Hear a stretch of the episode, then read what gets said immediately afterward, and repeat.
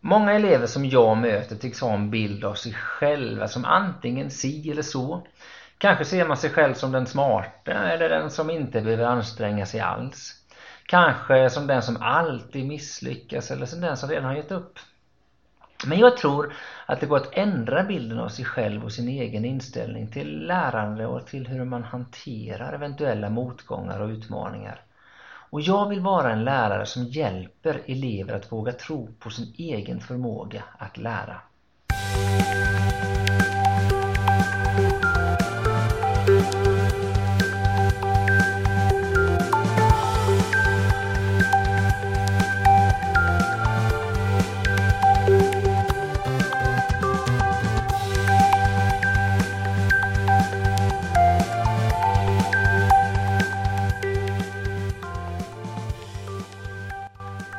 Hej och välkomna till podden Jag vill vara en lärare som. En podd där vi pratar om lärande. Vi som gör detta heter Daniel Johansson och Daniel Dahlström och vi jobbar båda som SO-lärare på Furulidsskolan i Aneby. Ja, det här är ju faktiskt vårt andra avsnitt nu som är igång. Man skulle kunna säga att det är vårt första riktiga för Ja. idag ska vi grotta in oss i något. Förra ve eh, veckan var det ju faktiskt eh, så gick vi igenom lite vad den här podden kommer handla om. Så det behöver vi inte ta igen egentligen. Men det är ju lärande vi pratar om. Ja, väldigt fokus på lärande. Mm. Och eh, idag så kommer vi prata om någonting som vi kallar för, eller vi, som kallas mindset. Mm. Mm. Det är lite spännande vad man väljer att starta med liksom så här. Ehm, Och vi har valt just det här. Ja, varför det kan man fråga sig. Jag tänker så här, alltså ibland ramlar man över någonting eh, som, som verkligen gör något med en. Mm. Eh, och det här är ett exempel på det. För mig så har det här förändrat min syn på det mesta. Eh, på elever, på kollegor, på hur man ska vara som förälder och, och mycket, mycket annat. Eh, och allt detta utgår från forskningen som eh, professor Carol Dweck, en amerikansk socialpsykolog, eh, har sysslat med. Mm. Kanske att du har förändrat synen på ditt eget lärande också. Ja men verkligen. Eh, Det har det verkligen gjort. Och eh, vi vill börja i den här änden Mm. och, och slå fast vad, vad mindset handlar om. För det, det har blivit grunden för våra tänk kring lärande. Mm. Bra. Känns Så- ju rimligt att börja där då. Ja, jo, men jätte, absolut. Och, och jag tänker då att idag så kommer vi att prata en hel del om vad det här med mindset är. Alltså definiera begreppet mindset. Vi svänger oss med ett engelskt ord här. Ja. Ska vi kommentera Ja, det det kanske? tycker jag absolut. Eh, Det är ju lite svåröversatt. Vi har försökt emellanåt och, och det roliga är att när den engelska översättningen, eller den svenska översättningen kom på, på boken Mindset så, så heter det faktiskt Mindset även där. Men ibland så dyker det upp även det här tankesätt eller tänkesätt. Eller synsätt på lärande har Ja. man också hört Ja. ibland. Men, men vi, vi kör med Mindset för att det, det Ja, det, dels har det blivit ett vedertaget begrepp faktiskt och därför tycker jag inte det är fel att använda det. Och sen är det ju lite svårt, svåröversatt om man ska verkligen eh, greppa allt vad det in, innebär. Ja, faktiskt. Mm. Och vi kommer prata om detta under det här avsnittet faktiskt. Eh, när det gäller det här att jobba med mindset och hur man kan försöka både påverka och förändra, det lämnar vi till nästa avsnitt har vi väl tänkt lite. Mm, det kommer komma en del två Ja, kring Mindset. precis. Har du Daniel? Jag, jag har ju upptäckt mycket av det här med mindset faktiskt eh, genom dig. För du, du har ju läst lite om det här tidigare än jag och det har ju hjälpt mig att förstå en hel del när jag jobbar med elever också. Jag har själv börjat läsa in mig en del på det här och både via eh, litteratur som skriver om mindset men också nu eh, håller jag på faktiskt och läser Carol Dwecks bok Mindset. Ska vi redan där göra ett litet boktips ja, varför alltså? inte? Eh, varför inte? Om man själv är intresserad av ta reda på mer så är väl det ett bra tips faktiskt. Men ska vi börja någonstans så tycker jag det är tacksamt att börja prata om hur man ser på misstag och misslyckanden. Ja, Det, det är ett sätt att komma in i vad, vad det här faktiskt innebär och vad det här vad, vad som ligger bakom tänket kring mindset. Och, ja, jag har märkt att jag har haft elever som där en del elever verkligen inte klarar av att misslyckas. Hela världen rasar ihop. Eh, Det kan räcka med att det är en fråga på ett prov man inte kan så rusar man ut från klassrummet och kastar provet i papperskorgen och sådär. Och en del andra elever sitter helt lugnt och bara lär sig saker och, och, och vilar i det liksom att nej men jag kan inte allt än men ja, jag lär mig efterhand sådär. Mm. Och det är, så, det är så tydligt att, att det finns olika sätt att tänka där. Mm. Absolut. Och ehm, Och, och på ett sätt så kan väl det där vara en väg in i att faktiskt förklara att det finns två olika mindset säger Carol Dweck. mm. Det finns två sätt att tänka. som då är lite kort bara. Ja, det ena kallas för growth mindset på engelska Mm. och på svenska tror jag det översätts med dynamiskt Mm. mindset. Precis. Där man faktiskt ser på misstag och misslyckanden inte som en stor katastrof utan en väg framåt. Mm. Alltså man lär från sina misslyckanden och, och, och man kan gå vidare från dem. Man- Det, det är liksom nyckeln till lärandet nästan Mm. inom growth mindset. Men däremot om man sitter fast i ett fixed mindset då, då kopplar man ett misslyckande till sig själv. Då blir jag misslyckad. Mm. Och det är inte konstigt, det är en stor grej då. Mm. Om varje misslyckande leder till att man känner sig mer och mer misslyckad eh, så blir man ju fast ännu mer i det här sättet att tänka att jag är en sån som misslyckas liksom. Jag är misslyckad. Och då skulle man kunna vända på det också så att man är sina framgångar också. Absolut. Vilket också kan skapa viss problematik. Det är ju inte så att, eh, att det är bara elever som inte når godkända resultat som, som har ett fixed mindset utan det är minst lika vanligt bland högpresterande elever som drivs av någon sorts rädsla att misslyckas. Det är så viktigt att hålla upp en fasad av att vara att hela tiden klara av det, att hela tiden vara smart. Sådär. Både för sig själv och gentemot andra. Absolut. Mm. För man är både sina misslyckanden och sina framgångar kan man säga. Ett, ganska statiskt. Absolut, jag slås av det där ibland när man, när man hör idrottsutövare prata om, om sånt här att självförtroende är en färskvara säger man ofta Mm. och jag, jag funderar på det där, så hur tänker man då? Då är det på något sätt att man är inte bättre än sin senaste match eller sådär hör man också ofta men för mig signalerar det där fixed mindset att man, man, är så, man är så beroende av att hela tiden lyckas Mm. annars så känner man sig misslyckad Mm. Så en, en förklaring, eller en väg in i att äh, närma sig det här med mindset skulle man då kunna säga att det handlar om att man identifierar sig väldigt med sina prestationer, sina miss- misslyckanden och sina framgångar. Ja, hur mycket lyckas man hålla isär de Ja. här två sakerna? Jag är det jag gör. Ja, inom fixed mindset så, så blir man sitt misslyckande. Ja. Medan inom growth mindset så har man en väldigt, man, är något annat liksom. Mm. Ens prestationer, ja, det, det är inte min person. Nej. Och då leder det in till nästa Mm. stegen skulle man kunna säga tänker jag att hur man ser på det här med om man har det eller om man inte har det. Vissa har det, andra inte.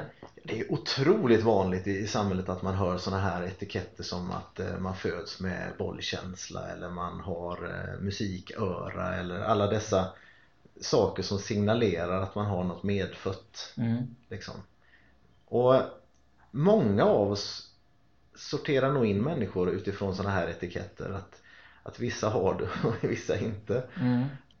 Men Carol Dweck visar på att, att, eh, att det där är förknippat med fixed mindset. Att det är, det, det, det är samma sätt att tänka som det här att man blev sina egna misslyckanden. Att man, att man faktiskt man, man går omkring och tänker att jag har fått en viss mängd intelligens till exempel. Mm. Och så kör man på i skolan kanske. Mm. Och så kommer man till något som är för svårt. Mm. Ja, vad signalerar det då?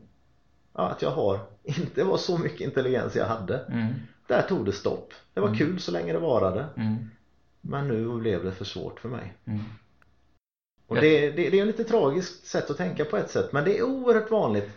Och, och kanske redan nu från början ska vi säga det att det är inte så att man antingen tänker på det ena eller andra sättet.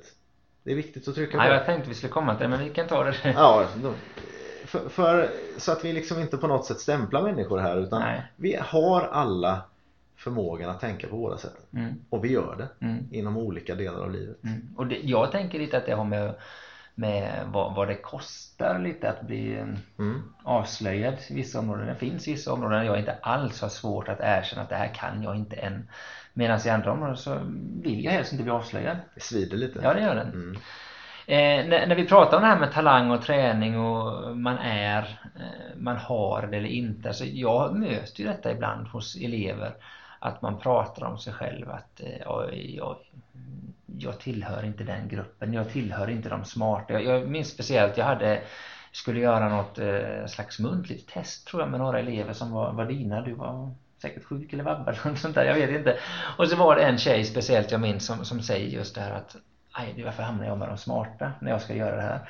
Och där blev det väldigt, väldigt tydligt. Vi har också haft andra grupper av elever som pratar om sig själv som, men vi är ju kanske lite, lite bättre än andra. Alltså man har en stämplad bild och av sig själv. Ja, absolut. Medan man märker ibland när man träffar människor så märker man att de har ett helt annat synsätt mm. som just fokuserar på att hela tiden förklara framgång med att jag har nog tränat mycket på det här. Mm. Liksom. Mm.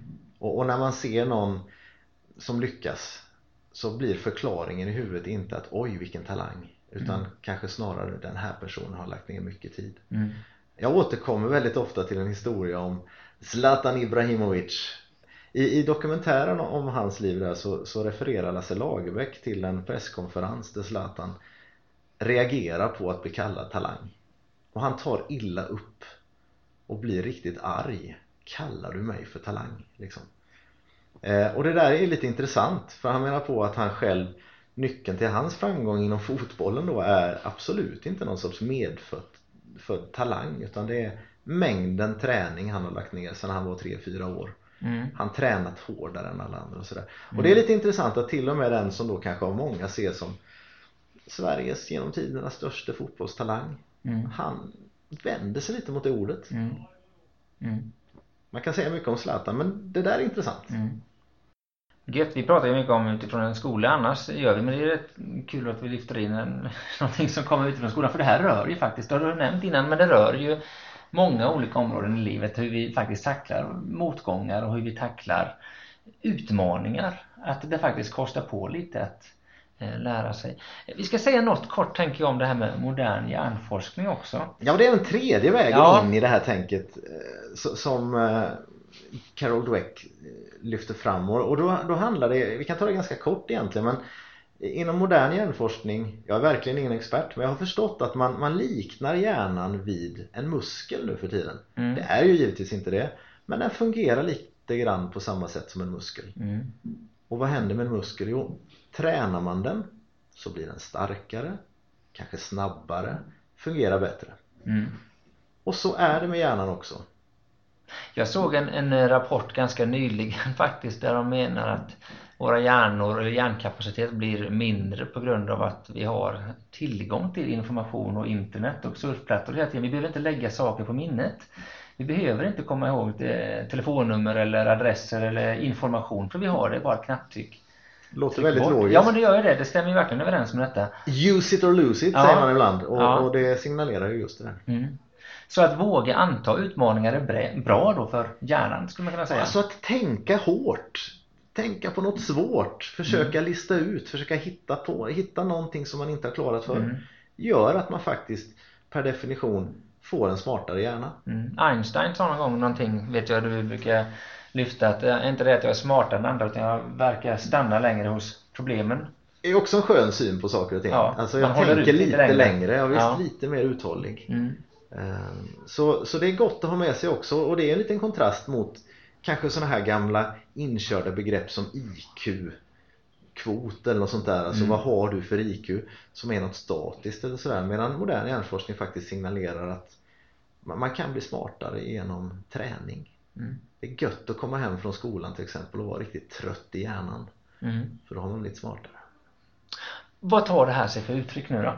Om det nu är så att man har ett väldigt fixed mindset, man är väldigt fast i sitt synsätt på sig själv antingen som väldigt talang eller som misslyckad. Alltså vad kan det ta sig för uttryck i eh, den dagliga verksamheten? Är ja. det det vi sysslar med här i skolans värld bland annat eller annars också på en idrottsarena eller vad som helst? Jag skulle vilja påstå att det, det gör en otroligt avgörande skillnad mm. för hur man till exempel hanterar utmaningar. Vi, vi lärare kan ju ibland vara lite checka sådär och lägga fram någon utmaning på en lektion och säga till eleverna. Och redan där händer det någonting då hos eleverna beroende på inom vilket mindset de faktiskt tänker. Eh, en elev som har ett growth mindset kanske går igång på det där. Tänker att yes, nu ska jag få chansen att, att göra något svårt och, och verkligen utmanas och vad kul! Medan en del andra elever bara slår av och, och, och känner rädsla att misslyckas liksom. Tar ett steg tillbaka. Eh, det låser sig kanske till och med. Och, och de där två sätten att reagera inför en utmaning är ju väldigt intressant. Mm. Och jag tror att vi alla känner igen dem inom olika delar av livet. Om någon skulle slänga fram utmaningen att jag ska sjunga solo inför någon publik eller något sånt där. Oj oj oj vad jag skulle ramla in i fixed mindset och, och försöka smita därifrån så, Mm. så snabbt jag bara kunde. Mm. Medan, inom, i- medan inom andra delar av livet så, så går jag igång på utmaningar Mm. och ser det som något inspirerande. Mm. Precis, och det här kan ju få väldiga konsekvenser för lärandet just där hur man tar sig an utmaningar för lärande är ju mycket att våga ta ett steg ut i det okända lite, att faktiskt våga ta sig an utmaningar Vi ser ju ganska lite. ofta elever som, som faktiskt smiter undan lärandet Mm. mer eller mindre medvetet och då tror jag att det här är en väldigt effektiv förklaringsmodell till Mm. varför det där sker mm. Det är inte så att man tänker att man ska smita men man, det låser sig, man, man tänker inte att en utmaning är något för mig. Nej, jag, jag har inte det som krävs. Nej, Och då kommer vi över till nästa punkt som, som hänger ihop med den och det är det här med arbetsinsats och envishet och, och det här du sa om Einstein där att stanna kvar, ja uthållighet. Att stanna kvar med problemet liksom. Mm. om det tar emot hur, hur hanterar jag det då? Mm. Och tänker jag fixed mindset ja då, då är det ju de tröga som måste jobba hårt Ja, precis Man tänker att ser, ser man sig omkring i klassrummet så ser man vilka som är smarta för det är de som glider fram. mm. Som får det gratis. Som kan glosorna utan att läsa på dem. Ja. Liksom, utan att plugga. Mesta möjliga framgång till minsta möjliga arbetsinsats, skulle man kunna säga Ja, vi hade en filosofi när jag gick på högstadiet, jag och några vänner och det här är ytterst, jag skäms över det här. Jag är inte ett dugg stolt över det. Men vi hade en, en sak vi kallade för poäng per pluggad minut. Ja, Och det coolaste man kunde göra det var att komma till skolan och säga jag har inte pluggat alls men jag hade alla rätt. mm. Då var man cool bland Mm. mina kompisar. Mm. Och jag var en av dem som drev det där och jag tänker i efterhand att oj oj oj vad det där var fixed mindset liksom. Mm. Man skulle ha det gratis, då var man smart. Mm. Hade man inte det, ja då var man lite trög. Och det är klart, då är det ju inte attraktivt att jobba hårt. Nej, För då ser man ju dum ut. ja, Och när vi går runt och tjatar på elever Kom igen nu, jobba på Nej Det är bättre att hitta på något annat och faktiskt så det inte syns att jag inte är så smart liksom. Mm. En annan grej som blir väldigt tydlig då det är ju man, hur man då tacklar både problem och hinder i sitt lärande. För ibland blir det ju svårt. Ibland eh, ställs man inför någonting där man verkligen inte förstår alls vad, vad som är summan av det man håller på med eller eh, inte reder ut begreppen eller inte får det att hänga ihop. Alltså det kan ju bli riktigt, riktigt svårt. Och där ser vi ibland att man faktiskt ger upp.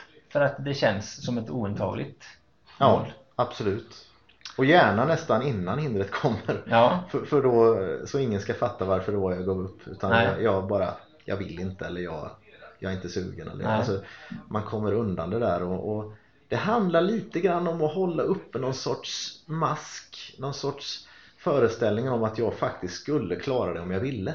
Mm, Eh, För då låter man ju lite smartare än vad man kanske själv tror att man är. mm, Och då håller man uppe den där fasaden. Ganska tråkig drivkraft för en elev men jag tror många brottas med det här. ja, Medan hos en, en person som tänker growth mindset så, så är ju det här med problem och hinder det är ju bara att jobba på. ja, Man vet att det finns inga genvägar. nej, Stenhårt jobb så kan man komma förbi det. ja. Ja, precis.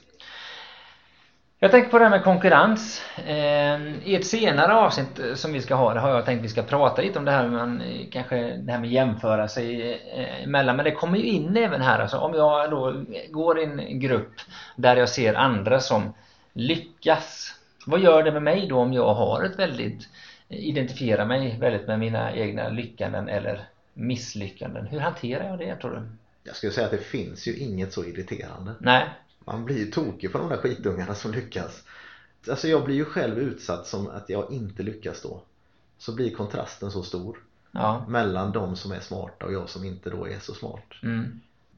Och det kanske utvägen blir att kalla dem för plugghästar eller att dissa dem eller att på något sätt ja, nedvärdera de som lyckas hellre Mm. än att eh, göra något annat. Alltså det blir någon sorts polarisering där mellan de som lyckas och inte lyckas. Mm.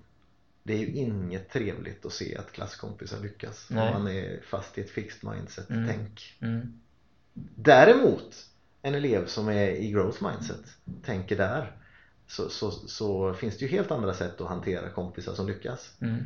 Man kanske söker sig nära dem, försöker lära av dem, ställer frågor om hur de gör. Mm. Alltså hur tänker du? Du verkar, brukar alltid, hur ser din text ut? Mm. Vad är det du har skrivit? Mm. Vad har du för teknik för att få det sådär bra? Mm. Den här nyfikenheten. Ja. Spännande. Min väg i, i det här med mindset det var ju mycket när jag själv då började jobba det här med, med det här med feedback och, och eh, kunna ge vägledning framåt i lärandet och jag inser då att för att kunna göra det så krävs det ju att eh, den jag jobbar gentemot, alltså eleven, är formbar helt enkelt. Att det, det är svårt att forma någonting som inte är formbart.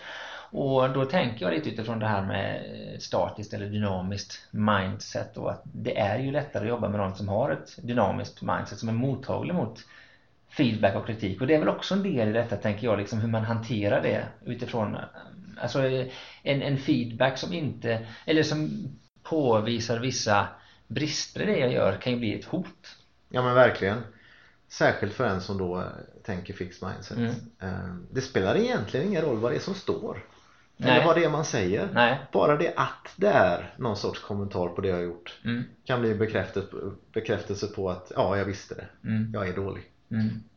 Så man kanske aldrig ens läser vad det står. Eller lyssnar på vad läraren säger. Nej. Man är inte mottaglig, man är inte formbar. Man, man har en färdig bild av sig själv och andra. Mm.